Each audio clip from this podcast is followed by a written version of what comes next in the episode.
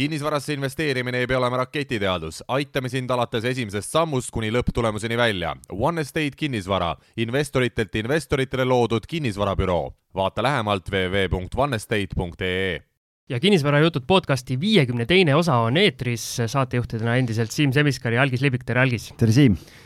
nagu ikka, meil on taas äh, külaline stuudios, oleme siin Geeniuse stuudiotes kolmekesi istet võtnud. tahad öelda midagi? Ja nagu ikka, räägime kinnisvarast. just Algisele ei saa siin sõna anda, sellepärast et sealt midagi tarka nagunii ei tule. aga viiekümne teises osas on meil siis täna külas Estate Guru laenuosakonna juht ja ise ka väikeinvestorina tegutsev Daniil Aal, tere Daniil! tere, tere! ja me kutsusime sind stuudiosse seetõttu, et rääkida erinevatest finantseerimisvõimalustest, mida kinnisvarainvestorid võiksid kaaluda ja saaksid kasutada. et seetõttu sa meil siin stuudios oled, on see tõsi? on küll noh, me oleme rääkinud siin, et on Friends, Fools, Family ja, ja panga esindaja on käinud ja tegelikult on jah, üks täitsa katmata, katmata koht on veel olemas, on ühisrahastus, äh, nii et, et täna siis üritame sinna sisse kaevata ja ja aru saada, et kui Siim tahab hakata Vaidas oma järgmist flippi tegema, et äh, millised võimalused tal on kaasata raha näiteks Estate Guru kaudu ja vaatame, kas kas ta üldse kvalifitseeruks sinna või mitte, et kuidas on, Siim, võttis jala värisema ka? võttis, sellepärast et raha on ju alati vaja. väga hea aga hakkame võib-olla kõigepealt nii-öelda üldse noh, kuna meie kuulajate hulgas on hästi palju ikkagi alustavaid investoreid ja et võib-olla nii-öelda räägime natukene üldisemalt ka estate gurust ja ühisrahastusest üldiselt üldse, et et mis asi ühisrahastus on? noh, ühisrahastus tegelikult on noh, seal on, heal lapsel on mitu nime, et see on nii-öelda crowdfunding, crowdlending või ühislaenamine, et see piltlikult öeldes kergemini seletades on, kui rahastatakse ühiselt mingit projekti, et äh, Estate Guru tegelikult äh, me ei nimeta nii palju ennast ühisrahastuseks, vaid pigem ühislaenamisplatvormiks või juba tänapäeval alternatiivrahastajaks, kus me siis äh, võtame mingisuguse projekti ja leiame siis investorid sinna. et igalühel on siis, noh, crowd'il on võimalik siis panustada mingisugusesse laenu konkreetselt, kus on siis teisel pool mingisugune ettevõtja, laenu, laenuvõtja, eks ole, ja nii edasi, kes, kes soovib siis rahastada mingit kinnisvaraprojekti, äriprojekti ja nii edasi. ja meie siis pa-, paigutame selle projekti platvormile, kus iga investor saab ise otsustada, kas ta soovib sinna panustada või mitte. et nii-öelda ühiselt rahastatavad projektid, laenud ja nii edasi ja mis summadest me räägime, kui nagu investori poolt vaadates, et eh, mis see kõige väiksem eh, nii-öelda pilet on, millega ma siseneda saan? tegelikult on äh, päris väike, et vi-, alates viiekümnest eurost saab juba paigutada. noh, tegelikult selles mõttes ju super, et kui me räägime täna nendest, nendest inimestest, kes mõtlevad, et noh, kust alustada, kuidas, et noh, me teame, et kinnisvara äh, ostmiseks see sisenemislävi on päris kõrge, kui sa just ei osta Assamalasse mingit äh, kolme või viie tuhande eurost korterit. algis müüb just Assamalasse. ei, ma praegu ei müü, ei müü, ära müü, et mul, mul ei ole siin, ma ei müü midagi siin, et äh, okay. mul ema elab Assamalas korteris seal, ema pärast kuulab, ütleb, et mul poiss müüb midagi, nii et poiss ma ei teagi. tegelikult korteri ära. ja, ja, ja ei, et ega sa koos emaga ei müü. ausalt öeldes, mul, mul, mul, kuulab küll, ausalt öeldes mul ei olegi. tervitame Algise ema. jaa, emal on korter, mul ei ole, et ah, okay et, et ma, ma siin niisama ehin ennast võõraste sulgedega. aga just, et selles mõttes on ta ju tegelikult hea, et et viiskümmend eurot, et äh, säästa palgast näiteks või kui keegi teenib täiendavat sissetulekut ja mõtleb, kuidas seda raha kasvatama hakata, siis siis äh, see on nagu hea koht ja saab esimesed äh, kogemused kinnisvara sealt valdkonnas kätte ja saab nende projektide kohta lugeda ja uurida, et jaa, loomulikult, tegelikult ega meil ongi, investorid on noored, alustavad investorid, üliõpilased, kuni siis nendeni, kellel portfellid on niisugused isegi üle kümne miljoni, kes on nagu investeerinud, et, et mõne noh, tiketid on keskmised niisugune viissada eurot, kui me võtame kaalutud keskmise, aga, aga investeeritakse ka saja tuhande ja kahesaja tuhande kaupa, nii kui ka viiekümne ja, ja saja euro kaupa. ja nagu sa just mainisid, tegelikult noh, mina olen Estate Guru's juba olnud kuus aastat, üle kuue aasta, ja, ja ma olen näinud, kuidas paljud investorid, kes alles tulevad, alguses oligi ühisrahastus, mis asi see on, see on tõenäoliselt mingi Bonsi, Bonsi skeem ja nii edasi, et, et mis, mis fake ja skäm see on, siis tegelikult noh, platvorm võimaldab äh, pakkuda väga palju teadmisi just nimelt väikeinvestoritele ja ka tegelikult teadlikule investorile. kui me paigutame erinevaid kinnisvaraarendusprojekte, mis tegelikult ei ole kuskil KV-s või City kahekümne neljas näiteks, eks ole, alles, ma ei tea, projekteerimisfaasis, siis paljud tegelikult saavad eelinfot näha, nad tutvuvad kõigi projektidega, nad näevad äriplaani, mida tehakse, nad näevad hindamisakte, nad nagu, see toimub niisugune coaching meie poolt nii-öelda igale siis investorile, nad vaatavad, tutvuvad kinnisvaraturuga ja mitte ainult Eestis, et tegelikult meil on ju äh, juba üle, üle seitsmes riigis, kus me toimetame. ja see on väga palju näitanud trende, kus äh, esimesed investorid, kes ma ei tea, viiskümmend või sada eurot on pannud, siis järgmine aasta, kui nad näevad, et tegelikult raha tuleb tagasi, kõik, kõik toimib, intressid tulevad ka, siis nad paigutavad kas suurtemate rahadega või tegelikult eventually liiguvadki, et ostavad oma esimese üürikorteri ja nii edasi või maja, et nad, et see, see tegelikult on nagu äh, Äh, ma arvan, et see soodustab just sellist nagu õpetamist ka just investoritele, see platvorm, mitte ainult investeerida ja raha paigutada. no mina isiklikult olen äh, just see teine kontingent, kellest sa rääkisid, minul see nii-öelda estate guru kogemus on olemas päris, päris pikalt, ma olen kogu selle kaare juba läbi teinud, et äh, olen nüüdseks ka sisuliselt väljunud, kuna raha oli vaja aktiivseteks tegevusteks, tulid äh, endal vaid-, vaidas vajadused kortereid osta, nii et äh, mina olen just see teine seltskond, kelle te võib-olla olete siis, võib nii-öelda õpetanud kinnisvarasse investeerima. No,. väga, väga äge kuulda aga kui võtame nüüd mingi projekti, et, et teil on seal koduleheküljel on noh, täiesti erinevaid asju seal alates, ma ei tea, eramaja finantseerimisest kuni, kuni mingite suurte rahvusvaheliste asjadeni välja, et kui pikaks ajaks tavaliselt ühe projekti jaoks nagu raha kaasatakse, et, et on seal mingi miinimumpiir ka, noh näiteks võtamegi siis konkreetselt Siim Siim ostab Vaidasse uue korteri, tal on selle jaoks kapitali on puudu, tahab kaasata. ütleme nii, et korteri jaoks vast ei ole mõtet Estate Guru juurde minna, et üürimaja, Vaida üürimaja. miks mitte, korteri osta saab ka ju aga, aga loomulikult äh, meie teenime rohkem kui no me mõtleme, ütleme nii, et Siim Vaidas mõtleb suurelt seekord. Okay. no lihtsalt ma mõtlen, et, et kas on mingi noh, et mis see keskmine periood on võib-olla ja kas on mingi miinimumperiood ka noh, et kui Siim võtab Vaida jaoks ja ta saab kahe kuuga omal, ma ei tea, korteri tehtud seal ja, ja juba siis investorid saavad oma raha tagasi, et siis see pole ei teie ega investorite jaoks tõenäoliselt väga atraktiivne, et kogu aeg seal aktiivselt edasi-tagasi. tegelikult isegi vastupidiselt, see on just isegi meie huvi, äh, et meie just soodustame selliseid lühiajalisi projekte, äh, kuna äh, me just täidame turul sellist mingit nišši ja siis väikest niisugust nagu silda, kuni siis inimesel näiteks ei ole raha ja siis ta jõuab panga finantseeringu poole ehk siis äh, vastavalt sellele me oleme ka väga paindlikud nende tagasimaksete osas. meil ei ole mingisugust miinimumintressi äh, perioodi, ehk siis kas või võtad täna, saad kahe nädala pärast pangast otse nagu rohelise tule, mis tegelikult on väga palju juhtunud, kui mõned pangad näevad, et näed, et seesama projekt on seal üleval, kohe eelistatakse nendele klientidele, et, et kuule, et ikka tule tagasi, on ju. Äh, et kahe nädala pärast maksad raha tagasi, investorid ikka saavad selle kahe nädala eest selle intressi kätte ja, ja liigud edasi järgmiste projektidega, et noh, keskmine äh, laenu pikkus on meil olnud selle kuue aasta jooksul circa neliteist kuud, noh, me toimetame seal kaheteistkümne ja kahekümne nelja kuu vahel, et üks kuni kaks aastat. aga nende tagastatud laenude pealt me näeme, et neid tagastatakse väga palju enneaegselt, ehk siis tagastatud laenu pealt on keskmine olnud üheksa kuud, kauaks seda võetakse ja kui suur see keskmine tootlus on, et kui nüüd keegi tahab viiskümmend eurot, sada eurot äh, sinna hakata panustama, siis äh, mis, mis see keskmine tootlus on, millega ta saab arvestada? ajalooliselt kogu sellest äh, portfellist, mis me tänaseks oleme nagu investoritele tagastanud, on olnud see ajaline tootlus circa natukene üle üheteistkümne protsendi aastas. Eks neid projekte on erinevaid, on ka, me oleme teinud ka kuueprotsendise intressiga laene kui ka nii-öelda kolmeteistkümne protsendiga, aga kogu sellest portfellist, mis täna tagasi on tulnud, on olnud jah, natukene üle üheteistkümne, et investor peaks pigem arvestama sellise vahemikus kaheksa kuni kümme, üksteist tootlikkusega täna. mis ta, mis ei ole üldse paha ju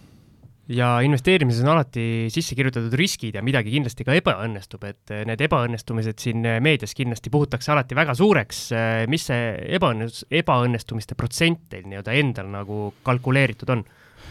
Tegelikult äh, meil on äh, kaks protsenti, ehk siis üks on see kogu portfellist, äh, ehk siis tänaseks me oleme natukene üle neljasaja miljoni laene teinud, et, et sellest on siis hapuks läinud laenude osakaal kolm koma kaks protsenti, ehk siis circa mingisugune kakskümmend, kakskümmend neli, kakskümmend viis miljonit eurot sellest kahekümnest viiest miljonist on tänaseks äh, üle kümne miljoni äh, tagastatud, ehk siis nii-öelda täitemenetlus, oksjon, asjad läbi tehtud ja investoritele nagu tagastatud ja seal selle tootlus on ka olnud üle kümne protsendi, sest seal on need viivised ja nii edasi, et noh, mõnel projektil see tootlus võib olla null koma viis protsenti või üks protsent, mõnel oli näiteks seitseteist ja nii edasi ja siis olemasoleva portfelli pealt on see praegune, see hapuks läinud laenude osakaal kaheksa, kaheksa protsenti. et, et loomulikult sa ei saa eeldada, et iga laenuvõtja on roheline, et midagi ei juhtu, et äh, see on normaalne nii-öelda äri, äriloogika, kus, kus juhtuvadki nii-öelda default'id või mingid takerdused, probleemid äh,, me tegeleme sellega, meil on hästi tugev riskitiim ja, ja loomulikult äh, meie huvi on investoritele nii-öelda raha tagastada. aga ma vist ei küsi, et miks see nii on, aga ma küsin, et nagu teil seestpoolt vaadatuna, kas ajab harja punaseks ka, et mingid äh, ebaõnnestumised nagu puhutakse nii suureks ja siis peab selgitama ja rääkima, et see ongi loogiline osa ja sest investor, kelle raha seal sees kinni on, sa võid talle rääkida küll, et see on loogiline, aga see on tema raha ja ta muutub, võib muutuda päris emotsionaalseks. ja, ja loomulikult. Äh, noh, võib-olla eelmisele küsimusele ma ei vastanud äh, põhjalikumalt, et äh, meil on alati hüpoteek varale seatud, ehk siis me ei tee nii-öelda omakapitalilaene, kus siis ei ole noh, tagamata laene, vaid alati on hüpoteek, ehk siis investoritel on alati olemas tagatis, kui midagi läheb nii-öelda valet pidi, on ju, siis, siis alati saab hakata seda vara realiseerima. aga me oleme ju nii-öelda kohanud ka olukordi, kus see hüpoteek äh, mitte ei aita, kui ikkagi päris, päris pahatahtlik äh, olukord on, siis võib ikka jamaks minna ju. ma arvan, sa mainid natukene ühte teist platvormi, kelle, kelle kohta, et ma ei hakka nimesid nimetama, et seal on nendel on olnud põnevad case. ajad, jah, aga seal, seal on ikkagi olnud mitte täielikult nii-öelda see õige esimese järgu hüpoteek nagu. kui te hüpoteegi panete, kas see nii-öelda suhe laenatud summaga nii-öelda on samas suurusjärgus nagu pangad, pangad panevad, et ma ei tea, kolmandiku võrra kõrgem või? jaa, meil on see katte, see kordaja on üks koma viis korda laenusumma. isegi rohkem, jah? ja, äh, ehk siis äh, ja sa, need protsessid, kui toimub nii-öelda selle vara realiseerimine, see võib võtta üks kuu või võtta nagu kolm kolm aastat ja ka rohkem, kui on kõik pankrotid ja nii edasi. see on pikk ja vaevarikas protsess, aga noh, selle nimel töötatakse. Äh, selle meediakaja mõttes äh, meil olid päris, äh, päris huvitavad ajad kunagi, täna seda enam nii palju ei ole, viimastel aastatel noh, estate guru osas et kuna noh, me peame võt-, aru saama ka, et see nii-öelda need ühislaenamise platvormid ja, ja nii-öelda crowdfunding ud, crowdlending ud ja, ja nii edasi, nad töötavad väga palju nii-öelda selle usaldusväärsuse peal. et äh, kui asi hakkab nagu käest ära minema, siis äh, kõik investorid panevad minema ja seda oleme näinud nagu päris mitmete platvormidega, mis ongi kinni pandud. ehk siis kui me teeme korralikult due diligence'i, teeme need kõik track record'id ära igas riigis, äh, vara realiseerimised, raha tagastamised, siis on ka usaldusväärsus investori poole pealt ka, et kui sa hajutad, kümnest laenust üks läheb default'i, siis tegelikult on ju okei okay. aga kas te tunnete nagu seda ka, et nagu sa ise ka ütlesid, et see on ikkagi endiselt veel nii-öelda pigem uus asi, et mm -hmm. kas te tunnete oma rolli ka kui nii-öelda õpetaja ja teadvustajana, et äh, ja tulebki läbi elada need, et tõstetakse mingid probleemid nagu võib-olla äh, liiga suurelt esile, nii-öelda teie vaadates kindlasti liiga suurelt, eks, et, et see kõik tuleb nagu läbi teha? loomulikult jaa, tulebki läbi teha, äh, sellega me oleme harjunud, ma arvan, et need esimesed aastad on pigem olnud raskemad, täna juba nii-öelda seda valdkonna tuntakse rohkem, me oleme suurim platvorm siin kontinentaal-Euroopas, laieneme päris jõudsalt ja ma toon isegi näite, võtame näiteks Boldi, et noh, kunagi ka kõik mõtlesid, et kuidas ma siis äpist hakkan tellima taksosid ja nii edasi, on ju, aga täna, täna ma ei, ma ei tea, kui palju inimesed tulika taksoga siin sõidavad niisama, eks ole. et, et alguses on loomulikult scary, aga pärast see muutub normaalsuseks, et see nii-öelda see, kogu see ühis, ühis nii-öelda social ja muu valdkond tegelikult ju kasvab väga, väga nii-öelda suuremaks nii on. Okei okay,, aga võib-olla siit lähemegi siis ikkagi konkreetsemalt nüüd liigume edasi, võtame selle nagu täisfookuse siis selle, selle peale, et et kui me räägime raha kaasamisest erinevate projektide jaoks, on ta siis äh, üürikorter või tähendab flipi korter Vaidas, Siimul või, või keegi tahab üüri, üürimaja, üürimaja, okei okay., et, et kui nüüd on alati on see kõige esimene küsimus on, kust leida kapitali ja väga palju on neid inimesi, kes kogu aeg nuputavad ja noh, siis on ikkagi see, et käid, käid selle FFF-i, käid läbi, on ju, aga ühel hetkel tuleb sein ette, et noh, enam ei ole. ühtegi lolli pole nagu. või, või rikkad sõbrad on kõik otsa saanud et siis ähm, kas estate guru kaudu saab äh, ükskõik millises Eestimaa piirkonnas äh, kinnisvara jaoks laenu või noh, kuna pangad näiteks vaatavad väga palju likviidsust ja, ja suuremaid piirkondi, et kuidas estate guru sellele asjale vaatab?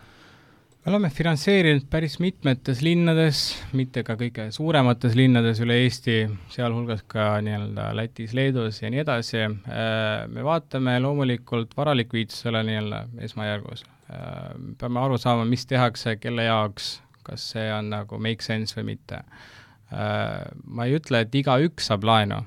loomulikult me ikkagi analüüsime kõiki projekte ja me oleme näinud päris huvitavaid case'e, aga,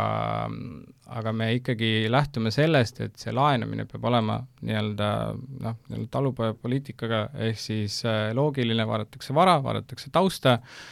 ja sealt juba liigutakse edasi. kui all makes sense, siis me ei venita selle otsusega ja tegelikult üldjuhul selle estate gurult indikatiivse pakkumise saab alla, alla ühe päeva.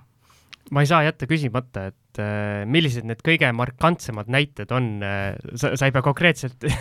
laenajat äh, või laenuküsijat nimetama, aga milliste nii-öelda projektidega teie lauale on tuldud, et mis nagu vaatad kohe peale ja mõtled, et no tule taevas appi?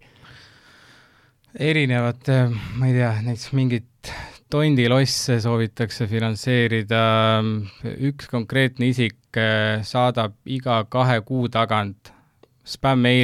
spämm-meili, kus on näha BCC-s kõik teised nii-öelda finantseerijad ka ja küsib, et kas te siia annate seitsekümmend viis LTV-d. ja, ja ta on seda teinud näiteks neli aastat, et see on nagu, niisugused inimesed on olemas turul äh,. Lätis on meil olnud äh, fake, fake itud hindamisaktidega kus on reaalselt isegi näha, kuidas ta on nagu seda hinna, hinda nii-öelda, nii-öelda kroppinud et reaalselt tullakse selliste asjadega, tullakse ka mitte kropitud piltidega, vaid äh, kus on natukene altkäemaksu makstud ja nii edasi. et noh, neid case'e on väga palju huvitavaid olnud, aga, aga noh, kalastatakse loomulikult, et on, on sellised, kes tulevad, noh, siin on natuke raske võib-olla kuulajatele seda seletada, kui tullakse niisuguse, ma ei tea, põllumaaga, kus noh, või isegi ehitusõigusega, mingisuguse krundiga, kus tohib ridaelamuid ehitada, päris mitu tükki ja, ja see on hinnatud näiteks, ma ei tea, ühe miljoni peale, aga see, see krunt iseenesest asub nii-öelda keskel, kus on ümberringi veel teised krundid ja mingit juurdepääsuteesid ei ole siis tegelikult selle väärtus ei ole miljon, kui tal ei ole seda liigi juurdepääsuteed ja nii edasi, et kui ta seda teist krunti ära ei osta näiteks, on ju, aga ta tuleb ja kalastab ja keegi teine, me oleme näinud, et tegelikult keegi teine nii-öelda finantseerib seda asja, et noh, meie selliseid riskantseid asju ei tee, et me ikkagi saame aru sellest kinnisvarast, et meie tegelikult asutajad on ise kinnisvaraarendajad ja ja riskiosakond koosneb ka kinnisvara hindajatest ja nii edasi, nii et no naljaga pooleks, te ei, ilmselt ei ole aru saanud, et eh, need keskel olevad krundid on nii-öelda väga rikastele, kellel on eh, nii-öelda helikopteri võimalused, et sinna ei peagi äkki ligi pääsema võib-olla, võib-olla see ei ole veel meie segment. Nad ei ole seda, see on, see on Tärniga olnud kirjas seal projekti Tärniga. juures, nad ei ole seda, sinna ei ole jõudnud, et aga no meil LHV esindaja käis ühel hetkel saates ja ja siis tema ütles niimoodi, et ma siin naeran, algiselt tulevad kogu aeg mingid kõned sisse. Telefon on nii punane täna, et ma ei tea, mis toimub, et turg on nii aktiivne. ma ise näen nagu reaalselt seda, mida ma olen kuulanud, et ja, et ongi päriselt ongi nii. päriselt nii, jah no aga ma ei räägi telefoniga, ma panen ära kogu aeg, et et LHV esindaja ütles meil, et, et noh, et projektist olulisem on isegi see, et kes on need inimesed nii-öelda, kes seda laenu küsima tulevad, et, et varasem kogemus ja sarnaste projektide elluviimisel ja kõik see pool aga mis on estate guru jaoks need peamised kriteeriumid, et kas esitatud projekt on üldse laenukõlbulik või ei ole? eks ma nõustun LHV esindajaga ka, et loomulikult sa pead seda tausta vaatama ja kes see on ja nii edasi, aga kuna pangandussektor on, on, nagu ka see panga esindaja mainis, on natukene ülereguleeritud, siis vaadatakse võib-olla selliseid asju, mis ei ole väga nii-öelda otseselt sõltuvad sellest, kas see nii-öelda kinnisvara tagatis on likviidne, kas selle kaheteistkümne kuuga saab sinna üürimaja ehitada või mitte, eks ole. et äh, me vaatame, no üldpildis meil on vaja niisugust checklist on, et äh, vara, mille vastu soovitakse raha kaasata, kui suur on see laenu soovitud suurus, kui pikaks, mis on see exit ja varasem kogemus.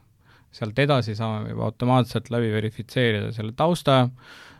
noh, tullakse, on olnud kliente, kes on noh, natukene nii-öelda punased võib-olla krediidiinfos või mis iganes, mingid põhjused on, aga kui neid reaalselt saab ära selgitada ja me saame aru, mis see tegelik taust on, et ma ei tea, mingi ma ei tea, maksuvõlg on seal ajatatud ilusasti, kõik on korras, siis see nagu ei takista meid, et meil on kohe nagu red flag et, et no meil on päris mitmeid häid projekte tegelikult tehtud inimesed, kes, kes noh, ongi nagu punased ja kindlasti nagu täna ei saa, sest on olnud, ma ei tea, kaks tuhat kaheksa pankrotid ja nii edasi. aga need projektid on olnud väga, väga, väga edukad äh,. nii et ja siis noh, Vaida, Vaida üürimajale kindlasti, miks mitte. super väga hea, mulle ootan, ootan taotlust. mulle meeldib, et Siim suurelt mõtleb, ma jään ka ootama siis, et millal, millal see oligarh sealt äh, tekib, et äh, aga mis see minimaalne summa on ka, äh, mingi piir, et äh, mis mõne projekti jaoks saab kaasata, et ähm...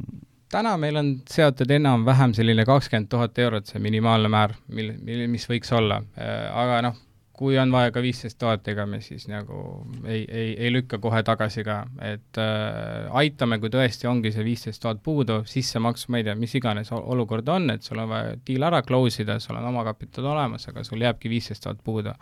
et, et miks mitte, on ju, kui kõik make sense, et meil on tehtud tegelikult sellise kümneprotsendise LTV-ga ostetudki nagu üürikorterid, et lihtsalt mingi raha on puudu, sisustatakse ära, refinitakse panka ära, siis vara väärtus on tõusnud seal kas või selle kümne-viieteistkümne tuhande võrra, et miks no Vaidas viieteist tuhandega ei saa mitte midagi algis, nii et võib-olla Assamaalas ei, ma mõtlen, et jääb puudu viisteist ei, ma saan aru, ma saan aru, jah. seal saab pool maja selle eest no,. et kui sul on raha rohkem, siis saad terve maja võib-olla aga mis tüüpi laenusid te üldse väljastate, et äh, on see annuiteetgraafikuga laen, on see bullet laen,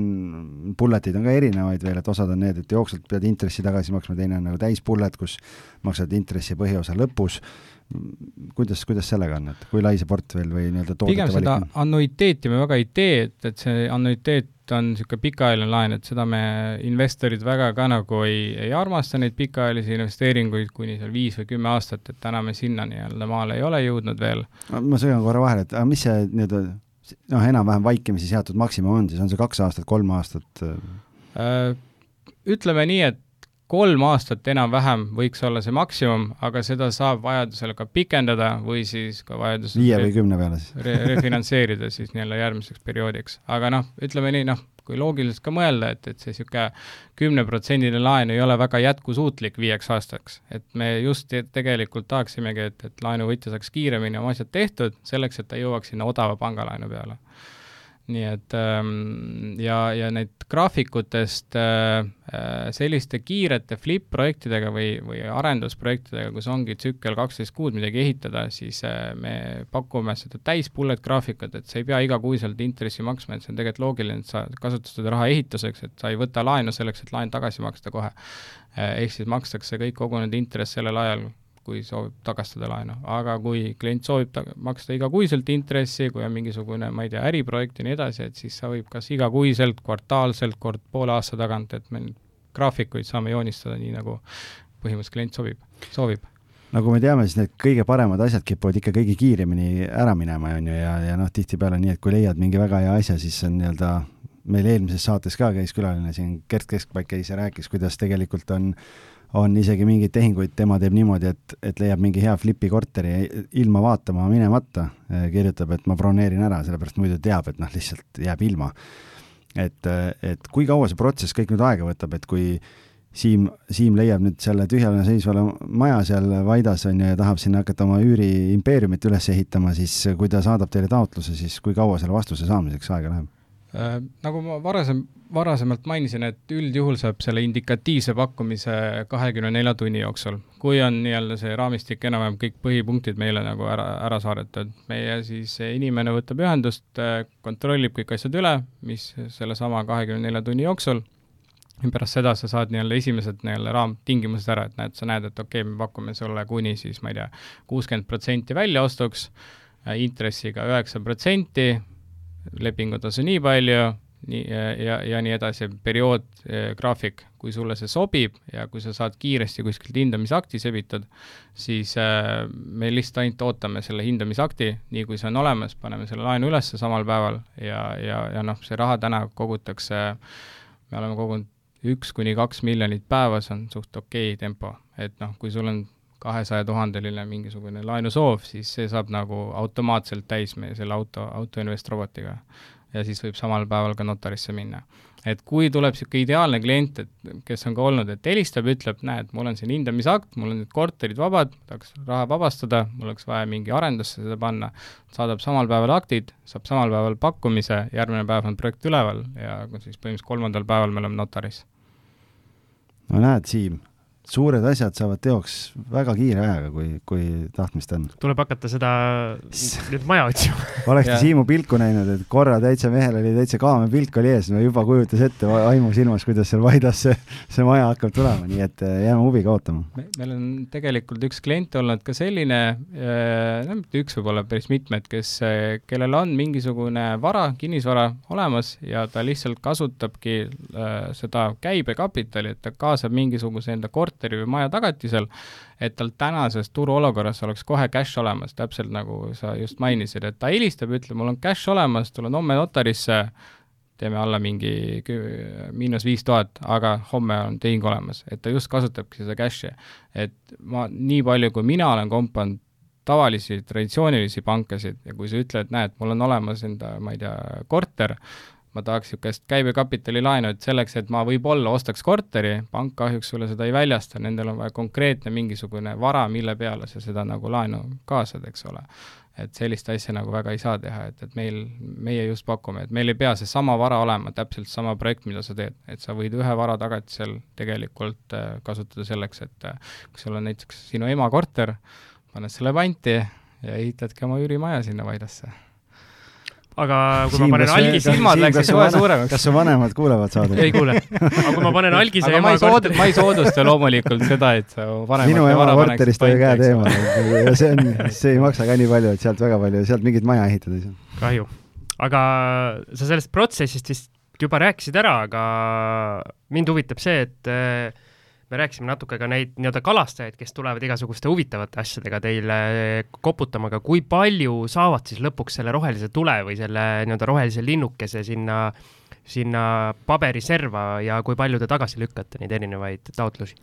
Äh, selleks, et sellele küsimusele vastata, ma natukene defineeriks seda, et meie oleme võtnud natukene teistsuguse approach'i kui võib-olla nii-öelda meie konkurendid või teised turu, turul osalejad, et me ise tegelikult aktiivselt otsime neid projekte, et meie nii-öelda see müügiosakond aktiivselt siis äh, vaatab äh, erinevaid portaale, registreid äh,, kuulutusi, sõidab isegi erinevatel nii-öelda objektidelt mööda.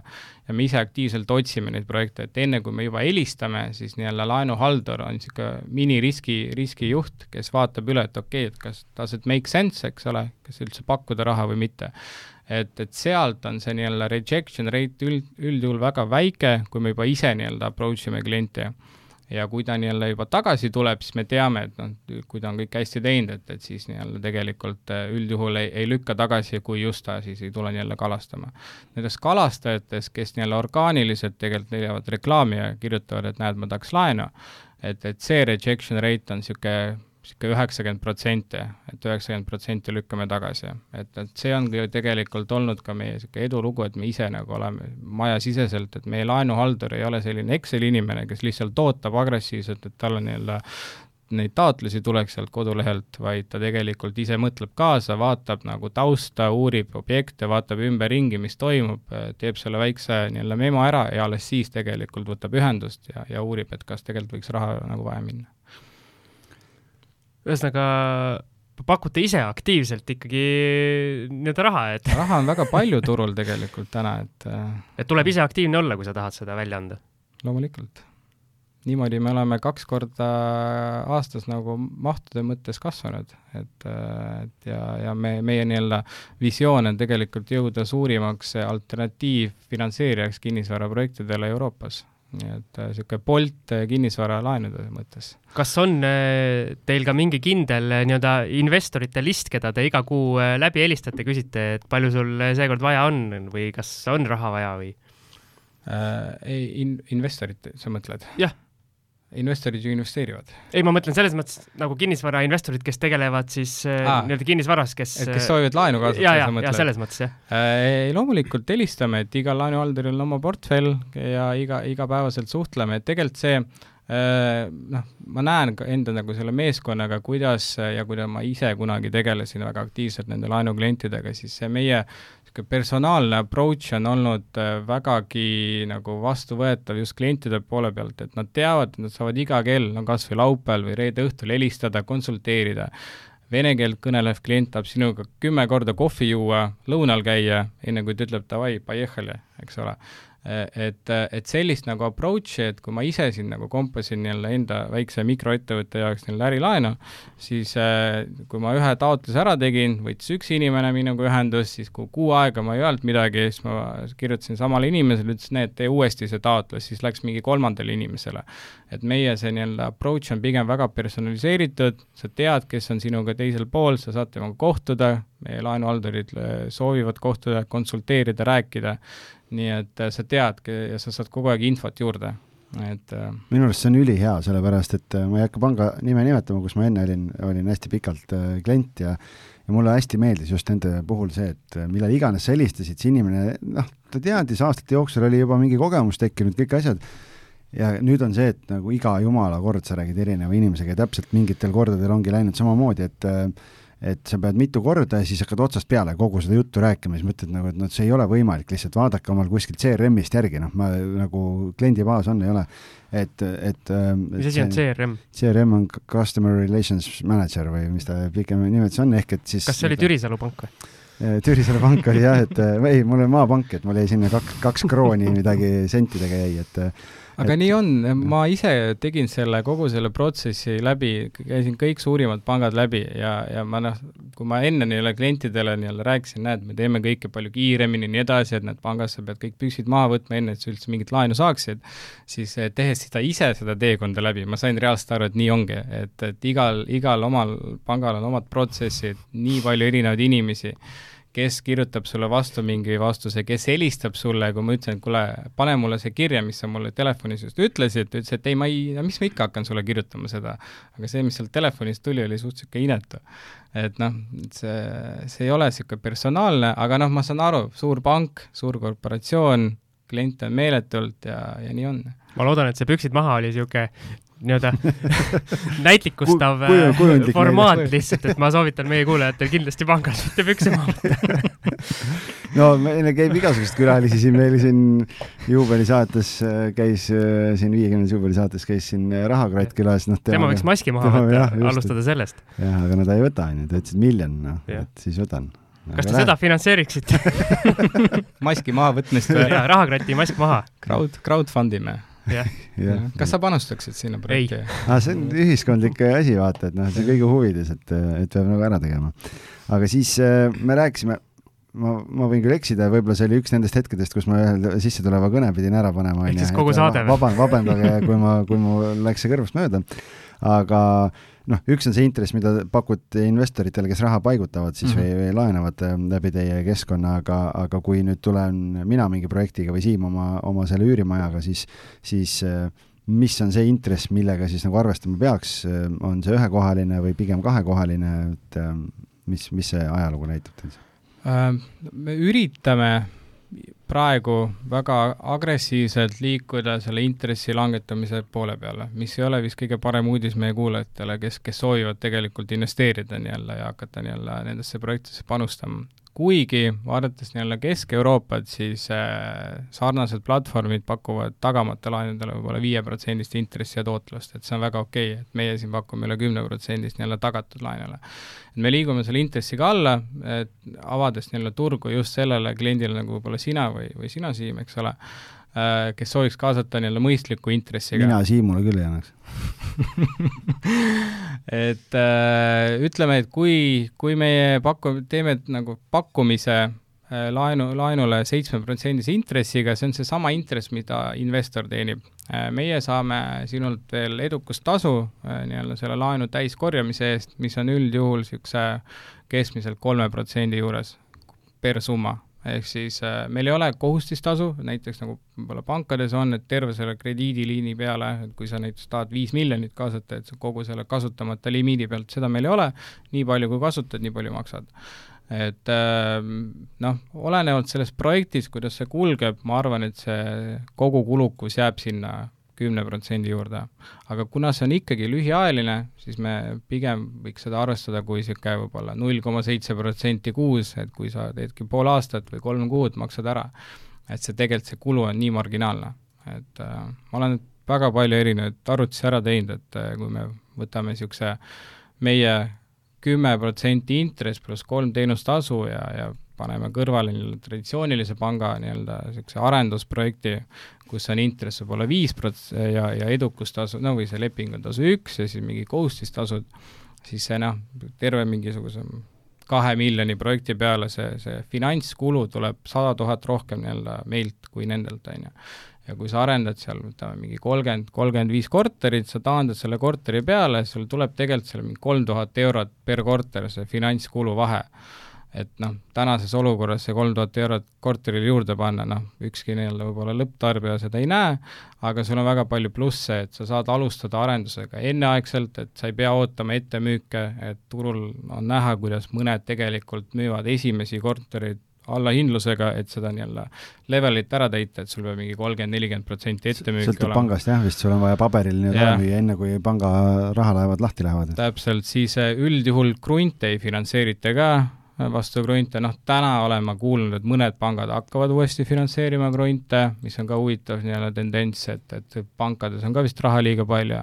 Ja noh, paljud nüansid, kus tegelikult seda nagu eh, noh, kokku hoida on rohkem kui see, et kas sa maksad, ma ei tea, kuus protsenti aastaintressi või võib-olla, ma ei tea, kümme protsenti kokku, et see neli protsenti finantskulu projekti pealt, et tegelikult see on väga marginaalne. et kauple hind alla juba mingisuguse viietuhandelise, ma ei tea, krundi, krundi osta neljasajaga, et sa juba nagu võidad selle sama, sama selle finantskulu, et okei okay,, Siim, on sul küsimusi praegu või ma tulistan edasi? ma panen edasi siis. ei, me ähm, teeme ühe väikese pausi vahepeal ja laseme Danilil natukene hinge ka tõmmata, sa siin tulistad ainult kogu aeg, et äh, ma kaitsen, ma kaitsen meie külalist. väike kõll.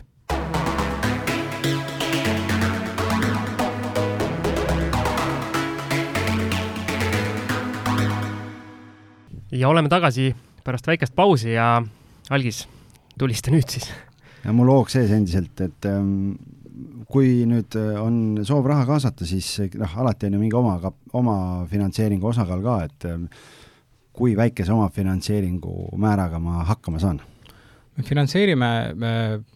Bayrul kuni seitsekümmend viis protsenti tagatisvara väärtusest. Äh, kui tihti see sinna seitsmekümne viie peale jõuab?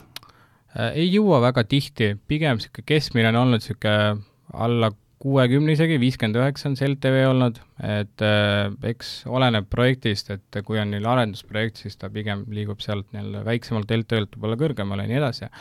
aga, aga oma, oma finantseeringu osa me kindlasti tahaks näha äh, mingil määral, noh, oleneb jällegi projektist, aga kui sul on võimalik seda tagatisvara, ma ei tea, ostu, kaubelda alla turuhinna või mis iganes veel teha, siis äh, sa saad seda oma oma nii-öelda finantseeringu osa vähendada. kui sul on näiteks, ma ei tea, hindamisakt sada tuhat, sa saad selle osta üheksakümne tuhandega ise, siis äh, meie finantseerime näiteks kuni siis, ma ei tea, seitsekümmend viis protsenti, et siis, siis võib nii-öelda seda omakapitali määr ei ole kakskümmend viis protsenti. okei okay,, ja kui ma nüüd olen noh, ma ei tea, ma praegu Siimu näidet ei hakka tooma, sellepärast et ma praegu on siin näide, kus läheb väga hästi. et siis, et kui läheb nagu oodatust paremini uh, mhm. -huh et kas ma saan laenu tähtajast varem tagastada ka, et lisa, noh, tavaliselt on see, et seal on, pankadel on mingid noh, sanktsioonid ei ole õigesõna, võib-olla mingid lisatasud ennetähtaegsed, mingid intressid, asjad, et kuidas teil sellega on? meil ei ole ühtegi sanktsiooni ega, ega trahvi selle eest. kui sa tagastadki kahe või kolme kuu pärast, siis on selle päevane, päevase arvestusega täpselt kahe kuu ja viieteistkümne päeva eest intress, ja, ja siis põhiosa tagastas ka, et meil, meil ei ole mingit minimaalset perioodi enne, ju, tagastamise trahve ja me ei võta ka intressi kuu lõpuni. et meil on väga paindlikud just nimelt, sest tegelikult meie noh, platvormi mõttes on huvi, et investor saab oma raha tagasi, ta paneb selle järgmisse projekti, ta teenis väikse kas või noh, kahe kuu eest intressi, ta reinvesteerib seda edasi. et kui nii-öelda see platvorm toimib, siis on tegelikult win-win ju. ühesõnaga, raha peab liikuma kogu aeg? loomulikult kas kapitali saavad kaasata ainult juriidilised isikud või saab eraisikuna ka tulla teie juurde? meie finantseerime täna ainult juriidilisi isikuid, et eraisikuid me ei finantseeri. mis see taust seal taga on? seal on äh, regulatsioonid ja, ja nii-öelda see eraisikute jaoks, kui ma õigesti mäletan, seal on need litsentsid ja asjad, et äh, ja on ka raskem vist seda vara tagasi nii-öelda saada kui see on nii-öelda, kui laenuvõtja on eraisik.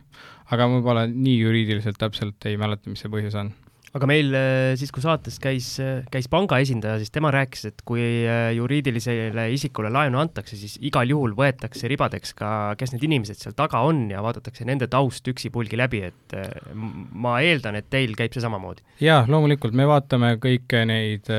UBO-sid, KYC-d, kõik, kogu, kogu pakett käib läbi, et vaatame tausta ja, ja teeme selle korraliku analüüsi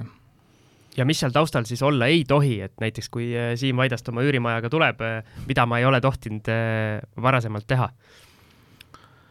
Neid case'e võib-olla nagu mingid, mis kindlalt ei, et ma ei, ma ei oska nüüd nii palju nimetada, aga kui sul just seal, ma ei tea, üle miljonisi maksuvõlgasid ei ole ja, ja sa ei ole täitsa seal kriminaalselt karistatud olnud ja, ja, ja nii edasi, et, et kui niisuguseid suuri red flag'e ei ole, siis on nagu okei okay aga, aga, aga eks case by case vaatame igat, igat klienti. aga mis need positiivsed eh, nii-öelda kogemused on, mis võib-olla annavad nagu plusspunkte just? Äh, kindlasti varasemad äh, projektid, kogemus, et sa oled midagi teinud äh,, eks me vaatame inimest ise ka, et iga kliendiga me kohtume, kas siis noh, füüsiliselt või siis virtuaalselt, kui koroona, koroona ajal eriti, ja, ja vaatame nii-öelda noh, appi, noh, loomulikult neid majandusnäitajaid, kõik need asjad annavad plusse juurde, ei, ei ole siin mingit checklist'i täpselt, et näiteks kui sul on bilansis üle, ma ei tea, miljoni euro, sa oled automaatselt, automaatselt kohe nii-öelda megaklient, et äh, me vaatame case by case, et igal, igal inimesel, igal nii-öelda firmal on oma, oma taust ja, ja, ja story ja seda story't me just tahaksime ka kuulda ka. aga selline võib-olla natuke nii-öelda intrigeeriv, intrigeeriv küsimus, et kas te olete saanud mõnelt eh, investorilt, kes teie portaalis raha, raha investeerib, olete saanud nagu sellise kurja kõne või meili ka, et miks te sellele tüübile nüüd laenu andsite, see on ju täielik tõbras? Äh, oleme. seda ma arvasin oleme, oleme, sest äh, investoritel on, nagu mainitud, kõik läbipaistev investor näeb äh, kuni isegi telefoninumbrini või emailini, kes see klient teisel pool on, kõik ettevõtte nii-öelda noh, registriosa numbrid, tagatis ja noh, tagatisvara ja, ja aktid ja nii et äh, jah, investor võib tõesti, kunagi eelistasid need investorid tegelikult otse laenuvõtjale et äh, siis laenuvõtjad olid sellised, et mis, mis mingi inimene helistab mulle siin Leedust ja, ja küsib, kuidas mul siin Tallinnas projekt läheb. aga kas niimoodi ka, et küsitakse raha tagasi ikka on küsitud, kui asi on nagu hapuks läinud, aga täna tegelikult me oleme nagu tõen-, tõestanud sellega, et me aktiivselt tegeleme kõikide nende võlamenetlustega, need võtavad aega, meil on võlamenetluspartnerid igas riigis, kes, kes kogu selle protsessiga tegelevad ja, ja nii kui investorid on tegelikult näinud, et raha tuleb tagasi, siis on nad nagu selle, kogu selle customer support'i nagu väiksemaks tõmmanud, aga helistatakse vahepeal küll jah, et, et aga noh, alati me saame midagi nagu öelda, et miks, miks me noh, kõik projektid, mis jõuavad Estatecore platvormile, on, on sellised, millesse me ise kindlasti usume, kogu tiim, kogu riskitiim ja ka oma töötajad siis investeerivad. aga mis see kõige nii-öelda põnevam nii-öelda kõne on, mis teil nagu oma kontoris linnalegendiks on saanud, on mõni selline? ma õnneks nii palju selles customer support'is ei ole nagu töötanud, et võib-olla äkki võib peaksid minema nädalaks? peaks minema, roteerima jah, et, et vaatame, mis seal toimub, aga ei noh, kindlasti mingeid pärleid on, aga ma, ma kujutan ette, et järgmiseks mõni, korraks siis, jah. mõni Eesti kuulus ärimees äkki, äkki helistab ja ütleb, et äh, miks te mu konkurendile nii-öelda raha andsite, et see, see mees ei kõlba kuhugi, midagi sellist. pigem, pigem väga paljud äh, konkurendid on helistanud nendele klientidele, öelnud, et kuule, et miks sa sealt ikkagi tõstad raha, et, et tule meile jah, et ja, ja, okay. ja nagu äh, on olnud ka olukordasid, kus on nagu taotlus nagu mingi panga poolt ära nii-öelda tagasi lükatud see projekt, noh, suurem projekt ilmub platvormile ja siis pank helistab, täitsa personaalselt helistab ja ütleb, et tere, Jüri, et kuule, et äh, me ikkagi mõtleks üle, vaata, vaataks su taotluse uuesti üle ja, ja, ja sooviks ikkagi sulle la laenu anda. aga siin vahepeal oli, oli juttu sellest ka, et te siin oma Eesti, Eesti ühe konkurendiga üksteiselt nii-öelda justkui üle lööte projekte või nagu sa just rääkisid, et kui aktiivne see tegevus endiselt veel käib või? Äh, noh, jällegi ei hakka kuidagi konkurente halvustama äh,, siis äh, kui varasemalt võib-olla oli see nii-öelda niisugune normaalne äritegevus, nemad tegid või keegi teine tegi neid projekte, meie tegime, üks äh, läks teise ja teine tuli tagasi meile ja nii edasi, siis noh, täna nii-öelda seal meie oleme nende mahtude mõttes ikka päris, päris ära läinud nii-öelda meie nii-öelda Eesti konkurentides või Läti või Leedu omadest ja, ja siis, äh, kui siin konkreetne case võib-olla, mida sa siin mõtled, siis äh, noh, seal oli niisugune nalja, nal-, naljakas case, et ma helistasin kliendile, ütlesin, no et kaua sa nagu viitsid oodata, et kaua sul seal viiskümmend eurot iga päev tiksub, et tule, tule ikka tagasi. et noh, eks äh, siin vahepeal on äh, läinud äh, või siis välja tulnud, et on Eestis registreeritud mingid ühis, ühisrahastuse platvormid äh, kuskil mujal tegutsevad äh,, mis on skämmideks osutunud, et kui palju sellised asjad äh, nii-öelda teid mõjutavad, et see ju kogu valdkonnale ikkagi mingi pleki jätab ja, ja te peate ka hakkama justkui seda plekki aitama siis maha pesta äh,? Jaa, tegelikult see, see aitas isegi meid see oli isegi pigem positiivne, sest äh, kui need skäm-, noh, loomulikult see ei ole nüüd kõige positiivsem nendele inimestele, kes kaotasid raha seal ja nii edasi, aga meie, meie töö ongi nii-öelda tegelikult pakkuda väga turvalist ja usaldusväärset nii-öelda teenust kõikidele ja, ja kui need teised platvormid hakkasid nii-öelda, osutusidki skämmiks, ja panidki uksed lukku, siis väga paljud tulid nagu sealt tagasi, et ütlesid, et okei okay,, et noh, ma olin, näiteks väga paljud investorid olid meilt, näiteks, siis äh, me olime kuulnud tagasisidet, et näed, et see teine seal pakub mulle kakskümmend protsenti tootlust, mis ma teil seda kümmet teenin, on ju. ja siis on nagu kurvalt helistanud tagasi, öelnud, kurat, et Danil oleks võinud sind kuulata ikkagi, on ju. et, äh, et ma arvan, et see, need tugevad jäid ellu pärast seda, kui need teised panid kinni ja noh, kindlasti peab, noh, täna, täna on ju üle-euroopaline regulatsioon äh, juba nii-öelda tulemas koheselt vist, kui ma õigesti mäletan, järgmisel aastal kogu see crowdfunding äh, euro, reguleeritakse Euroopas ühiselt ära, et kui tegelikult Eestis ju ei ole ühisrahastuse regulatsiooni, otseselt on jälle hea tava, siis äh, meil on litsentsid Leedus äh,, Inglismaal äh,, Soomes ja me kasutame nii-öelda noh, ka ühte vajaminevat litsentsi ka Saksamaal toimetamiseks, siis äh, noh, see on andnud natukene nagu juriidiliselt niisugune raske, raske protsess liikuda igas riigis, kui nüüd Leedu ütles, et nii, nüüd on homsest nagu regulatsioonid, et te peate selle litsentsi saama, et, et jätkata Leedu turul toimetamist, et me saime need kõik litsentsid. aga nüüd, kui see Euroopas reguleeritakse, siis see kindlasti nagu väldib seda, et neid uusi niisuguseid skämm-platvorme tekib aga oli ka nii-öelda selliseid inimesi, kes nagu kaotasidki kogu usu selle nii-öelda crowdfunding'u ja ühisrahastuse ja kogu selle valdkonna vastu? ma ei, ma ei tea, kindlasti on neid hulk, ma ei, nii täpselt ei oska öelda, kas no ei ole nii palju suhelnud nende investoritega võib-olla, kes, kes on kaotanud raha, aga nii palju neid foorumeid ja Facebooki gruppe lugedes, siis ega inimesed tõesti on olnud pahased, aga kui sa jooksed nende suurte numbrite järgi, siis äh, ja tahad kiirelt rikastuda, siis võib-olla see on niisugune esimene ohumärk investorile. algis tõstis näpu üles ja tahab kiirelt rikastada. oli ei, nii? ei, ma tõstsin näpu üles, ma ütlesin, et te läksite siin äh, väga üldisele või noh, nagu öelda, ühisrahastuse üldisele lainele tagasi, aga ma vahepeal võtsin siin Estate Guru kodulehekülje lahti ja ja, ja vaatasin siin neid üleval olevaid äh, projekte, mis teil on ja, ja siis lihtsalt küsimus meie kuulajatele kindlasti pakub ka huvi, et kui nüüd keegi tuleb siia vaatama, et siis siin on olemas, väga paljud on nagu arenduslaenud ja siis mingi osa on sildlaenud, et mis loom see on? ei, ei finantseeri sildasid konkreetselt, et, et igaks juhuks, et see oleks nii-öelda clear sildfinantseering on siis inglise keeles nii-öelda bridge financing ehk siis äh, finantseeritakse mingit perioodi mingist hetkest, kui on seda raha vaja, kuni siis leitakse pikemaajalisem finantseering, et kui on mingi lühiajaline asi, ma ei tea, kas või projekteerimiseks, ma ei tea, ongi arenduskrunt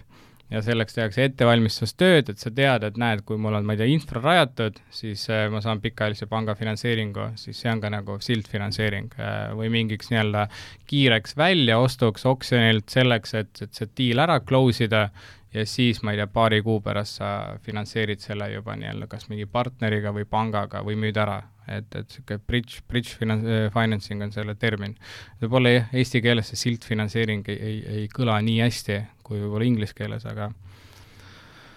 okei okay,, väga hea. loodetavasti see selgitab. väga hea, väga hea ja siin ma vaatan kodulehe ka, igasuguseid asju on siin, mingi krundid ja, ja siis mingi korterid ja, ja igasuguseid erinevaid asju on, nii et tasub, tasub tõenäoliselt kellel huvi on, võiks kõik need erinevad projektid läbi vaadata ja näha, mille jaoks raha on kaasatud ja, ja kuidas neid asju nagu on kõik on projektid on avatud äh, vaatamiseks, tutvumiseks äh, ja, ja neid projekte tõesti on nii palju erinevaid, et seinast seina, et kes arendab midagi, kes võtab raha mingiks projektiks, kes kaasab ühe tagatise, äh, tagatisega siis mingi kolmandaks projektiks, kes kasutab äritegevuse laiendamiseks siis kapitali ja nii edasi Siim, kuidas on, kas äh, lükkasid juba portaali lahti ja otsid üürimaja potentsiaalseid objekte, mida nüüd hakata Danilile spämmima? no ma nii, äh, ütleme nii, et uisapäisa ei tegutse nagu sina võib-olla, et äh, ma võtsin kõik teadmiseks, kuulan selle saate ise pärast uuesti üle Aha. ja siis, siis hakkan tegutsema ma ei ole võib-olla nii palju kuulanud neid äh, Siimu nende Vaida korterite episoode, aga ega neid väga palju ei olegi, Allis lihtsalt kogu aeg räägib nendest Siim on Vaida puhul sul on nüüd teine korter jah seal? see sai nüüd müüdud, jah. teine sai ka müüdud? Äh, jah, mul esimene on nagu üüris ah,. teise, teise tegid flipi teise tegid flipi, jah okay.. Et äh... Kehra ja Vaida on Siimu ja nüüd lähen Kehrasse tagasi, ma seal pendeldan, pendeldan edasi-tagasi. ma ise olen Maardus. no vot nii et äh.... väga hea, siis saamegi võib-olla sinna nüüd edasi liikuda kohe sujuvalt. me jaa, me vist oleme siin saates ka maininud paar korda, kuidas ma olen ka Maardus ühte korterit käinud vaatamas. olen kuulnud seda. korterisse ei jõudnud sest omanik ei äh,, ei tulnud näitama. nii motiveeritud müüja oli, et ei tulnud kohale isegi. jah, ja siis minul see Maardu Maardu ekskursioon sellega lõppes, aga kindlasti nüüd lähmegi siis äh, sinu isiku juurde ja saame ka Maardust äh, vähe lähemalt äkki rääkida, aga räägi siis, kuidas äh, sinul isikliku investeerimisega lood on, et estate kurus, ma saan aru, investeerid, aga kuhu veel? Jah, ma olen niisugune võib-olla mikroinvestor, et ma, kui ma tegelikult estate kurusse sattusin, äh, ma olin just ülikooli ära lõpetanud, ma ei teadnud, mis asi on kinnisvara, mis asi on hüpoteek, nii et äh, sattudes estate kurusse tuli niisugune väga kiire crash course kogu selle kinnisvara valdkonna osas ja ma arvan, et niisugune aasta hiljem ma ostsin enda esimese kodu, äh, teades juba, arvates ma olen väga, väga kõva tegija, et tean kõik, kõike kinnisvarast ja, ja finantseerimist kõikidest projektidest. aga noh, tegelikult täna vaadates oli see väga tulus investeering, et, et see korteri väärtus on ikka väga, väga korralikult tõusnud eh, läbi selle nelja aasta. ja siis olen ma paigutanud estate kurusse äh, väga paljudesse laenudesse, aga äh, lõpuks võtsin kätte nüüd äh, eelmisel aastal, äh, kui ma soetasin esimese nii-öelda üüri, üürikorteri, uus arendus siis Maardus, ja see oli siis Estate Guru klient, kes arendas äh, jälle kortermaja seal. Kuna mul üks kolleeg oli seal tema esimestesse projektidesse ostnud, et rääkis, kui väga hea nii-öelda tulus investeering on seal nagu Maardus, siis mõtlesin, et pean ka samale rongile nii-öelda hüppama. Ja tegelikult on nagu päris hästi nagu läinud praegu. Maardu ja uus, see uus arendus, et äh, esialgu tundub natukene, et need kaks sõna ei käi kokku noh, mingil määral võib-olla tundub nii, aga noh, siin, siin ju lendavad kõik kuulajad ju kohe Maardusse pärast seda episoodi, et ma ei taha ju nii kohe nagu haipida, kui, kui hea seal on. tegelikult ei ole üldse hästi läinud ikka. tegelikult on niisugune jah mõttetu koht. et aga tegelikult on ta, ega ta on üks väheseid selliseid satelliitlinnu, kus on elanikkond kasvanud äh, läbi nende aastate äh,. see on Tallinna lähedal, tehakse kohe see väeoristmik ka korda, saab, ma ei tea, Lasnamäelt kümne-kaheteistkümne minutiga sinna. Äh,, olen kuulnud, et väga paljud just kolivadki Lasnamäelt Maardusse, nad ei viitsi linnas elada ja kuna ma tegelikult ise kasvasin üles ka Maardus ja mu ema töötab Maardu koolis, siis äh, noh, ma natukene tunnen seda kohta ka. Ja seal, seal tõesti on kokku neli uut arendust ja need kõik on tegelikult müüdud enne, kui need üldse valmis said, siis inimesed otsivadki sealt uut korterit ja ma kuulajatele ütlen äh, nii-öelda kaadri tagant, et Danilil on äh, seljas pusa kirjaga Lasnamäe. nii et äh, Lasnamäelt Maadrusse, nagu ta ise ütles, autoga, autoga lennates kümme-viisteist minutit. ja näed jälle, eelmises saates ka meil siin Gerd Keskpaik ütles, et tema on väga suure osa oma elust elanud Pelgulinnas ja tegeleb flippimisega seal piirkonnas, sest ta tunneb seda kanti ja teab väga hästi, nii et et kõik lähevad juurte juurde, et ma ikka vägisi kuidas me sinna vait sattusime? Assamalla tuleb ikka ja jälle pildile, et noh no võta okay. kokku, saad hakata Algise ema, kui sa seda, kui sa seda saadet kuulad, siis äh, palun äh, räägi Algisele auk pähe, et tuleb hakata Assamalla kinnisvara arendama ja seda uuesti kaardile tooma. Let's make Assamalla great again. just, see meil on ka ja, kõlanud siin, aga ja. ma ikkagi räägiks sellest Maardust edasi äh, seal on nii-öelda meie saate kuulajatele on üks suur probleem, seal on su see suur pluss, mis sa just mainisid, et see on see nii-öelda Tallinna satelliitlinn väga hea asukohaga, aga meie saate kuulajatele ja, ja minule on seal suur probleem, et elanikkond on ikkagi suures osas venekeelne.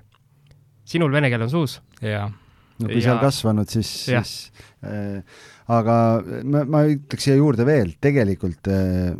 kui me räägime selles kontekstis, mis Rail Baltic, kui see kunagi valmis saab siin viie aasta pärast ja nii edasi, siis Keep Maard... it down, muidu Maardu... kõik lähevad Ma... nüüd Maardusse ka Maardu saab väga oluliseks kohaks tegelikult selles, selles plaanis, et, et, et no olgem ausad, Maardu eraldi linnana oleks ka Eesti kaardil ju päris kõva tegija. ei, potentsiaali tegelikult Maardu linnal on väga palju. äh,. ta on väga jõudsalt muutnud, muutunud sellest ajast, noh, ma elasin seal kuni kuue aastani, et, et kooli tulin Tallinnasse ja siis äh, noh, ma mäletan, mis, mis hulgas see kunagi oli.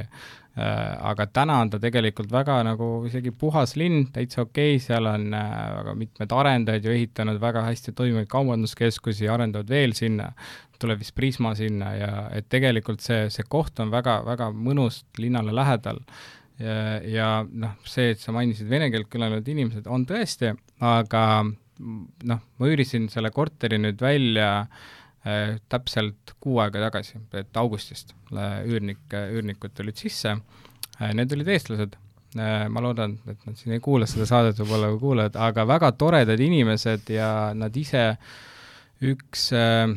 üks töötab vist Rakveres ja teine töötab kesklinnas, nad enne elasid Mustamäel ja nendel logistiliselt oli väga ebamugav nii-öelda Mustamäelt liikuda Rakveresse, eks ole, et need oligi vaja niisugune keskel, keskel kohta, kust nagu Rakveresse kiiresti sõita. Äh, eestlased ja mul käis vaatamas seda korterit, ma ei valeta, üle viieteistkümne inimese, äh, nii kui ma panin üles selle kuulutuse, mul telefonis punane nagu terve seesama õhtu ja Siim hommik..., mis me selle kohta ütleme? selle peale ma just tahtsin öelda, algis ütles selle peale, et liiga madala hinna panid. panin küll, jah. kusjuures äh, noh, mõeldes Maardu peale, eks ole, ma üürisin ta kümme eurot ruutmeetril välja okei okay,, see on isegi, noh, ma ei ole nii päri... Maardu turuga tuttav, aga ma aga... oleks pidanud panema kõrgema, siis ma kartsin, et äkki see Maardu linn ei võta seda nii palju vastu aga need, nendest viieteistkümnest inimesest, kes käisid koha peal, siis nendest äkki kolm olid kohalikud, kõik ülejäänud olid kas Tallinnast või, või kuskilt isegi nagu kuskilt Lääne-Virumaalt eh, küsisid, tahavad Tallinna lähemale tulla või, või siis Tallinnast tahtsidki, et nagu ütlesid, et et Tallinnas on kõik kallis ja nagu ei ole mingit head kohta, et, et siin on täitsa uus arendus, on ju, väga maitsekalt sisustatud, et äh, normaalne hind seda olen mina ka märganud oma väikese kogemuse pealt, et äh, nii-öelda Tallinnast äh, ikkagi väga julgelt kolitakse välja ka, et see liikumine on mõlemasuunaline, näiteks see Kehra flip, mis mul oli, seal inimene tuli, tuli Põhja-Tallinnast, müüs oma korteri maha ja läks Kehrasse elama. sellepärast, et ta teeb nii-öelda kaugtööd ja siis ta oligi võtnud KV selliselt lahti, et oli, oli mõelnud äh, vist kas kuuskümmend kilomeetrit Tallinnast või mis ta selleks mm -hmm. piiriks pani ja, ja vaatas äh,, tahtis kahetoalist korterit, kuuskümmend kilomeetrit Tallinnast, hea transpordiühendusega ja siis äh, läks Kehrasse. aga tegelikult, kui sa nii mõtled, sa jõuad Maardust äh, Tornimäele, ma julgen öelda kiiremini, kui sa jõuad kuskilt Miidu rannast kesklinna. seda räägin mina alati oma nende Vaida korterite juures, et viieteist minutiga oled Ülemistes, seal, kus hakkab algis oma oma autoga kuskil hommikul sõitma, siis ta võib und näha sellisest, sellisest kiirest tulekust. ma sõidan ka hommikuti Ülemistele, aga ma sõidan viiskümmend minutit. Nii et ma olen linnast väljas, ma olen teisel pool linna äärt, nii et Tabasalus kuskil. jah, sealt veel nagu edasi, nii et, et selles mõttes mul on niisugune hea. ja kui sa Tabasalus ehitad kortermaja, siis üldjuhul sa saad seda müüa ikka päris Tallinna hinnaga, aga Maardus veel ei müüda sellise hinnaga, nii et no, Maardu on niisugune rahulik linn. aga siis, siis nüüd on, peame Siim ruttu võtma portaali lahti, vaatama Maardu enne üle, kui meil saade laivi läheb. ma olen natuke, ma hoian Maardult silma peal ka, aga mul see üks kogemus, kus ma käisin korterit vaatamas ja sain äh, oma autos istuda. Siimul on see jama, et tal läheb kulu nii suureks, sest tal peab olema, ta peab kuskilt tõlkebüroost tõlgi kaasa võtma endale alati, sest ta muidu ei saa hakkama. sa võid mulle helistada, lähme koos. suurepärane, nägin kasud sees saate tegemisest. täpselt, saan sulle veel finantseeringut sinna peale pakkuda ja, ja siis Algis investeerib veel läbi Estate Guru platvormi sinu projekte. no see on täispakett. täispakett. super, super aga et... Äh, nii, üürikorteri ostsid, sul on nüüd üks, üks korter on siis üüri, üürikorter on portfellis, nii, kuidas on, kas sa oled äh, mõne flipi või flopi ka ära teinud? Äh, praegu on üks flip käimas siis Tallinna kesklinnas. Äh, seal on see juba läinud praegu circa neli kuud aega. see on, kuna see on mu esimene flip olnud, siis äh, siis on see läinud ikka päris vaevarikkalt. see ohe oli päris raske, kuule, mul on tunne, Siim, et siin on ainest äkki boonusosaks, et võtame ja räägime, mis, mis seal selle nelja kuuga juhtunud on, et hea meelega, hea meelega. et kaevame sinna, võtame need haavad lahti rebime. aga, aga ta liigub ja, ja loodetavasti paari kuu pärast võiks ta nii-öelda tehtud saada et vaatame, mis, mis sellega võib-olla nii palju äkki räägime siis praegu isu tekitajaks, et äh, mis, mis korter ja, ja kahetoaline, ühetoaline? ta on äh, puitmajas äh, kolmkümmend kaks ruutu äh,, planeeringu järgi oli ta niisugune suur avar ühetoaline, et, äh, et ma teen ta neile niisuguseks kahetoaliseks ja, ja noh, seal on väga palju huvitavaid asju olnud, et ma arvan, et kui ma nüüd tagantjärgi mõtlen, siis oleks pidanud niisuguse võib-olla lihtsama paneelmaja võtma. et kas need äh, nii-öelda errorid on puumajaga siis äh,? Pigem jah, see konstruktsioonide osas, et seal on olnud kaks niisugust puitposti keset keset äh, korterit ja kui alguses pidid need, kaduma sealt väga lihtsasti ja konstruktsiooniliselt, siis äh, ehitajad ei julgenud seda teha, siis ma pidin leidma mingi arhitekti, siis arhitekt pidi arvutama kõike, siis pakuti üht, ühte lahendust, mis oli päris korraliku rahasummaga, siis leiti alternatiivne, siis seesama ehitaja pidi äh, tegema seda, siis ta ei teinud seda kaks nädalat ja nii edasi okay.. aga minu küsimus on, sa ütlesid, et nii-öelda paneel, paneelmaja korteri oleks võinud võtta, aga kui sa oled nii-öelda Maardu taustaga, siis kas Maardus ei ole mõnele sellisele, seal neid paneelmaju ja tüüppkortereid äh, on ja on väga palju selliseid, mis, sellised flipi kandidaadid, ma ei tea, nagu hinna poolest võib-olla mitte, aga mm -hmm. nii-öelda seisukorra poolest, kui kulutusi vaadata, siis äh, selle peale oled mõelnud? Ma olen kusjuures selle peale mõt-, mõelnud, aga noh,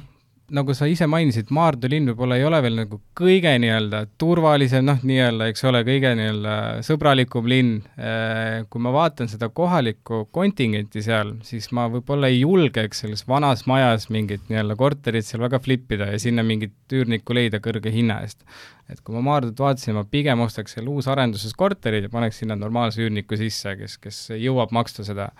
et ma neid üürikorterid vaatasin seal, mis seal on äh,, nüüd noh, suht madala hinnaga ja kui sa sinna panustad selle, ma ei tea,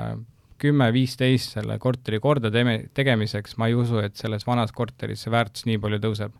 kui seal tõuseb selle uue korteri väärtus, seal kõik Maardu elanikud tegelikult tahaks uusarendusse kolida.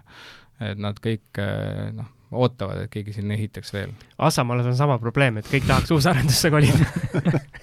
ei, aga tegelikult äh, ma näen ise turu pealt päris jõuliselt isegi suuremad arendajad vaatavad neid väiksemaid linnasid ja, ja minu arust on see lollikindel asi, et noh, kas või võtame Saku või Saue, et noh, sinna ehitad, kõik ostavad ära ja et seal noh, Sakus eriti näiteks, mu elukaaslane on Sakust ja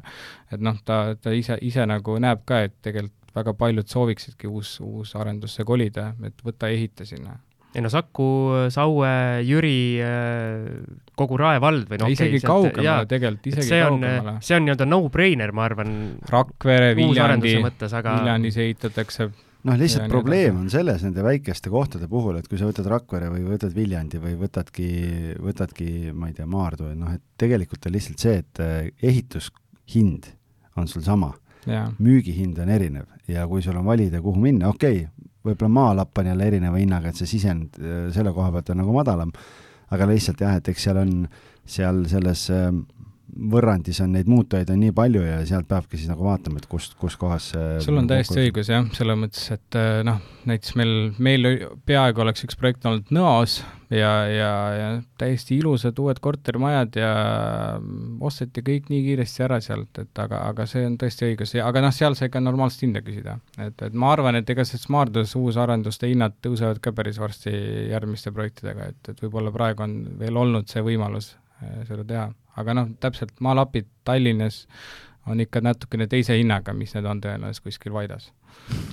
Ütleme nii, et Vaida buumib, nii et ärge jamage. Aasta tagasi, vaata, enne, enne Siimu aega, ütleme. oleks võinud seda öelda, jah. kas on, on kuulajatest keegi veel Vaidas ostnud midagi, kas sa oled teadlik Siimu, Siimuga just üks päev arutasime seda teemat ja selgub, et on ilmnenud, ilmnes, et on tekkinud mingid ja seal on, äh, ma, ma natuke tausta uurisin, seal on üks niisugune flipijate, naisflipijate grupp tekkinud, kes, ma ei tea, kas meie saadet kuulavad, see oleks päris huvitav, kui nad kuulaksid äh, ja võib-olla saab kellegi sealt saatesse. teeme üleskutse jah, et kui kui keegi neist kuulab, et andke märku ja, ja kutsume külla. aga minu see Vaida viimane flip läks ka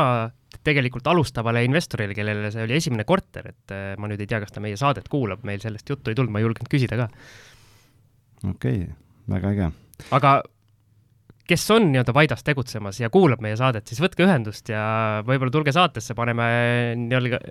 algise siin üks-kahe vastu ja räägime, kuidas äh, ikkagi Vaida on. Äh, kuidas Vaida on parem, jah? vägev koht, jah. okei okay,, okei okay,, no väga aga Daniil, mis su kaugem eesmärk on, kui sa nüüd investeerid ja neid kõiki neid asju teed, et oled sa kuidagi selle enda jaoks ka lahti mõtestanud? ei ole võib-olla nüüd täpsemalt seda nii-öelda lahti mõtestanud äh, kaugemat investeeringut, ma võtan step by step mul oli ikka päris, võttis päris korralikult aega, et jõuda selle esimese reaalse korteri ostuni ja selle nii-öelda flip imiseni, et äh, et ma mõtlen tagantjärgi, et, et miks ma nagu enne seda ei teinud, et ma kogu aeg vaatasin KV-s ja ikka vaatasin ja, ja siis võib-olla helistasin ja siis mõtlesin ei, et siin on kindlasti liiga kallis see hind ja veel kallis ja nii edasi, et meid tegel... Siimuga ajab muhelema, sest oh, keegi kahetseb veel peale meie. et äh, kui ma selle asja ära tegin ja reaalselt hakkasin tegema, et noh, praegu ma tegelikult mõtlen, nii äge, et, et see asi reaalselt ma teen seda, võib-olla, ma ei tea, ma ei teeni selle pealt nii palju või, või mis iganes, aga, aga ma tegin selle asja lõpuks ära, et ma, ma tegelikult tahtsin väga, noh, tegelenud selle estate guruga nii palju juba kuus aastat, ma tahtsin reaalselt ise läbi teha selle flipi, kuidas see kogu see protsess käib, et see oli niisugune hobiprojekt, aga saades üldse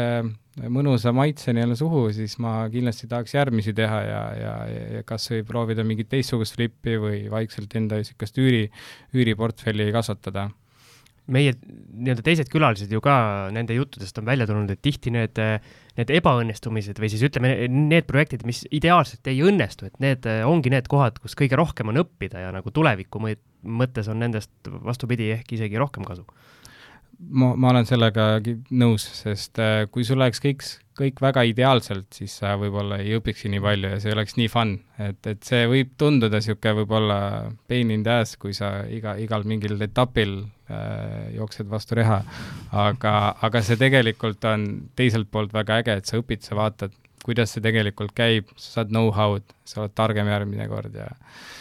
see on nagu, ei, see on põnev see, sul peab olema, ma ise arvan, et sul peab olema see, see passion kinnisvara vastu, et sellega tegeleda, lihtsalt teha, et näed, võin kiiresti rikastuda, näed, ma ostan mingi kinnisvaraprojekti kokku nüüd või ma ei tea, flipin, on ju, et see, ma ei usu, et see võib-olla oleks nagu fun, et see, noh, mina, mina alati teen seda, mis mulle tõesti meeldib. Ja, ja mul, ma just väga tahtsin, ma põlesin, et davai, ma tahaks lihtsalt ükskõik mis flipi, ostan kas või nagu kallimat, aga lihtsalt teen selle asja ära. et ja see on tegelikult toonud rõõmu ja siis meil üks viimaseid küsimusi, mis me alati küsime, on see, et eh, millist nõu sa annaksid eh, alustavale investorile, kes siis võib-olla nagu sina mõni aeg tagasi ei ole veel teinud ühtegi, ühtegi tehingut eh, ega võtnud ühtegi projekti ette, aga hullult tahaks seda teha, et ma saan aru, üks on see, et hakka lihtsalt pihta, aga on veel midagi? hakka lihtsalt pihta, ära mõtle üle ja võib-olla siis estate guru mõttes, et, et kui äh, ma kindlasti ei soodustaks kogu oma nii-öelda säästud panema estate gurusse, vaid pigem ikkagi nii-öelda, see on üks võimalus, kus õppidagi, nagu sa just mainisid või alg-, me rääkisime ka selles episoodis, äh, kus saab tutvuda kinnisvaraprojektidega, vaadata, et kes flipib näiteks, et kuidas ta ostis, mis hinnaga ta ostis võib-olla, pärast jälgida KV-s põnevalt, et näed, okei okay,, ta müüs selle ära, eks ole, mis hinnaga, kus ta teenis, on ju, vaadata hindamisakte, et võib-olla noh, paljudes hindamisaktides tegelikult on ju noh, kõikides hindamisaktides on infot äh, kinnisvaraturu kohta, kui on, ma ei tea, korter, on ju, või põllumaa, et seal on ju analüüs, on ju, kinnisvarabüroo poolt, mida võib-olla inimene ei viitsi minna seal, ma ei tea, Uusmaa lehele lugeda seda analüüsi, ta võib sealt lugeda, näe, kuidas see turg on perform inud. ta uurib, ta coach ib ennast, panebki oma esimesed viiskümmend eurot, eh, pärast tegelikult võtab selle raha välja, teebki sissemaksu korteri ostuks, et, et kasutage seda võimalust kui ühte allikana, kuhu investeerida, et päris palju, ma arvan, et kõik investeerivad estate gurusse või mujale lihtsalt osana, et kellel on aktsiad, kellel on oma esimene üürikorter ja nii edasi, et see on lihtsalt või-, võimalus alustada viiekümnest eurost, et ärge nagu ärge kartke ja võtke, võtke. tegelikult äh, siit äh, kinni võttes sellest sõnasabast veel, siis tegelikult kui sa mõtled selle peale, et täna alustav investor, enamus inimesi ei ole kunagi elus ühtegi hindamisakti näinudki, nad ei teagi, mis asi see on üldse ja tegelikult see on nagu suurepärane koht kus sa saad näha üldse, kuidas hinnatakse ühte kinnisvara, mis need argumendid seal on, mis seal on välja toodud, kõik, kõik need metoodikad on, just, et see annab nagu, annab seda köögi poolest nagu tegelikult rohkem aimu, et ja, ja, ja täpselt isegi, kui sa näed, et noh, me oleme päris mitmeid Endoveri projekte finantseerinud, et äh, mõned isegi projektid jõuavad nagu meie platvormile enne, kui nad, Endover hakkab neid võib-olla müüma. et meil on, äh, meil on näha, et äh, väga paljud tegelikult ostavadki projekte meie nii-öelda finantseerivatesse uusarendustesse, et see on ka võimalik, kui sa otsid omale uut kodu, noh, mina leidsin enda kodu niimoodi, et ma läksin kliendi juurde, diili ei oleks olnud, suur klient oli, suur, suur, suur arendaja, aga ta kogemata lihtsalt mainis, näed, kuulge, me just saime selle 3D-d ja kodulehe valmis, et lihtsalt vaadake, tahate näha ja ja niimoodi ma sain lihtsalt äh,, ma ütlesin, et siia ma tahaks osta. et, et see täpselt samamoodi, see kogu info on nii avalik, et kasutage võimalust. Te ei pea isegi otseselt investeerima, te võite ju näha neid projekte, tutvuda nendega ja noh, see viiskümmend eurot iga kuu ju ei ole palju. no ja kui sa hakkad oma projekti tegema, see annab ka selle aimduse võib-olla, et kuidas seda projekti üles ehitada ja, ja mis, mis need äh, nii-öelda kriteeriumid ja asjad üldse on, et ja Siin... kindlasti ärge, ärge siis äh, noh, kui te olete, ma ei tea, nii-öelda soovite oma esimest flippi teha või osta korteri või väikest arendust teha, siis äh, mõelge, et on alati alternatiiv suurpankadele, et küsige ka Estate Gurust ära, et äh, see, ma olen ise personaalselt läbi teinud kõik suured pangad äh,, kogu seda protsessi ja see on olnud tõesti nii vaevarikas, et äh, ma mõtlen, et ma ise kusjuures finantseerisin selle Maardu korteri estate guru kaasabil, sest ma lihtsalt ei saanudki neile traditsioonilisest pangast raha, kus öeldi, et kas sul peab viis võlavaba korterit olema, nõuti, et ma peaks äh, analüüsima Maardu turu üüritrende, et see oli reaalselt nii kirjutatud meilis, ja nii edasi, et see, et äh, esimesteks asjadeks kindlasti on estate guru üks võimalus võib-olla siis, et see friends fools and äh, see, see aspekt, et tegelikult võta need kõik äh, family'd ja friend'id, et pange samasse projekti eest läbi Estate Guru, why not, et äh, saad teisi ka ju. super! minu arust ülihea ja tegelikult selles mõttes on üliäge, et äh, aitäh, Daniil, et sa, et sa tulid, et et ma tegelikult ise ei olnud üldse niipidi nagu mõelnudki ja, ja vist Siim äh, teeme nii, et täna vist rohkem salvestada ei saa, et ma nüüd lähen ise ka ja võtan need projektid lahti, sest ma olen alati ise tahtnud nagu mõelnud selle peale, et noh, mingil hetkel peaks hakkama nagu suuremaid asju ka tegema, et kaua võib, on ju, et kaua ma siin Siimuga konkureerin, on ju, aga no näed, siis nüüd saab sealt projektide lehelt ja no minuga sa ei konkureerigi, sa ei saa ju hakkama. Noh. ahah, vot. nii. aga tegelikult me ju salvestame veel Daniliga ka boonusosa, nii et Just mis see oli, patreon.com kaldkriips kinnisvarajutud on see õige koht, kus meie toetajad saavad seda boonusosa kuulata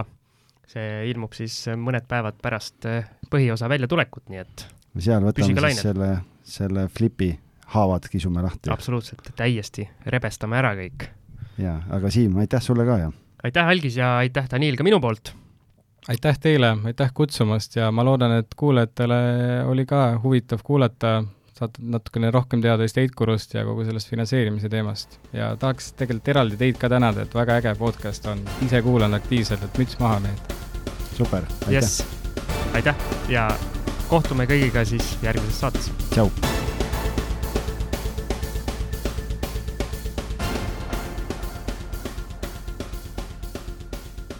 Kinnisvarainvestoritele loodud kinnisvarabüroo, aitamised alates esimesest sammust kuni lõpptulemuseni välja. vaata lähemalt www.onestate.ee